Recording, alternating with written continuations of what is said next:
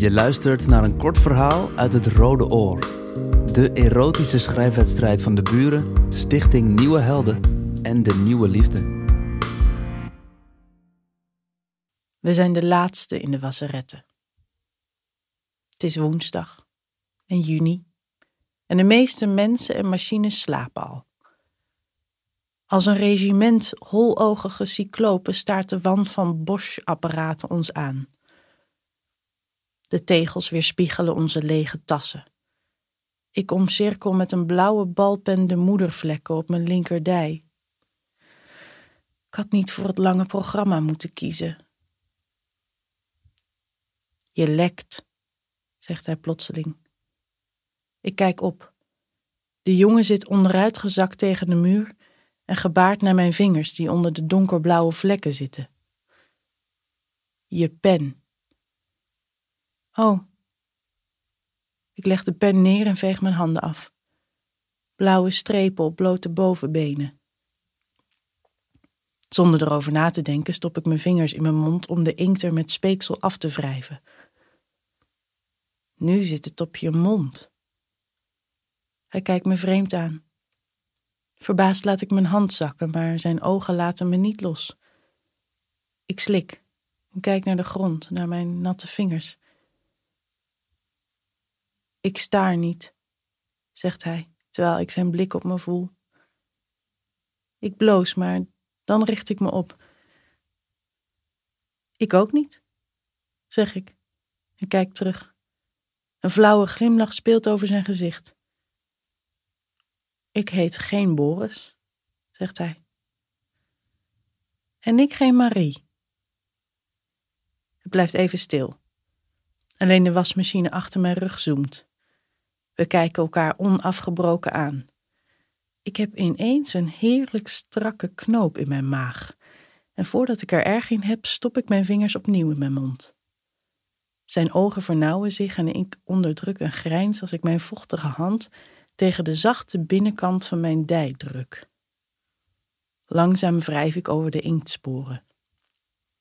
Ik maak glinsterende cirkels met mijn duim en ik zie hoe zijn lippen een beetje van elkaar gaan. Je maakt het alleen maar erger. Hij klinkt niet bezorgd. Mijn gezicht is warm en ik voel hoe mijn ademhaling langzaam versnelt. De dwingende blik van deze vreemde jongen vult me. Terwijl mijn vingers tussen mijn benen cirkelen, voel ik hoe de natte was rondkolkt in de buik van de wasmachine achter me. De nacht zoemt. Ik haal diep adem en spreid mijn dijen. Ik hoor hoe hij naar adem snakt en ik werp een blik naar beneden. Het lijken wel wolken, breng ik uit. Golven, fluistert hij schor. Ik zie golven, golven en vlammen. Even kijken we samen naar het blauwe schouwspel. Dan neem ik een beslissing en leg mijn hand terug tussen mijn benen. Door de dunne stof van mijn shortje begin ik nu onverholen mijn klit te strelen.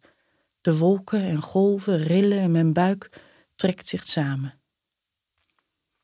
Blauw vuur. Ik kreun zachtjes en mijn heupen schokken licht.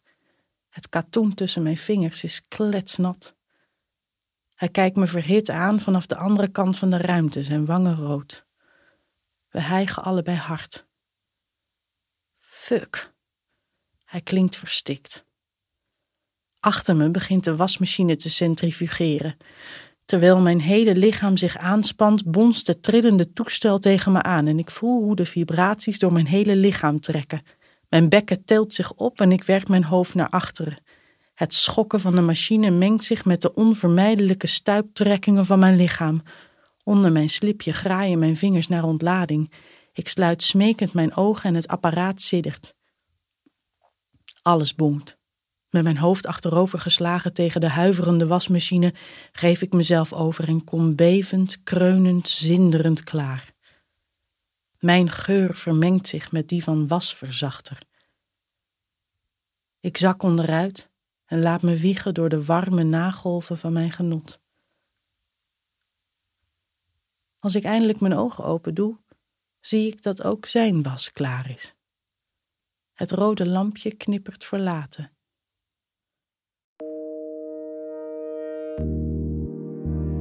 Je luisterde net naar een kort verhaal uit het Rode Oor.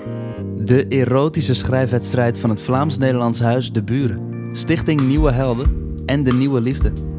Op deburen.eu slash het Rode Oor vind je meer informatie over het project, over de wedstrijd en kan je alle erotische verhalen van het Rode Oor lezen en luisteren. Het Rode Oor is onderdeel van het project Yes Please, een initiatief van Stichting Nieuwe Helden.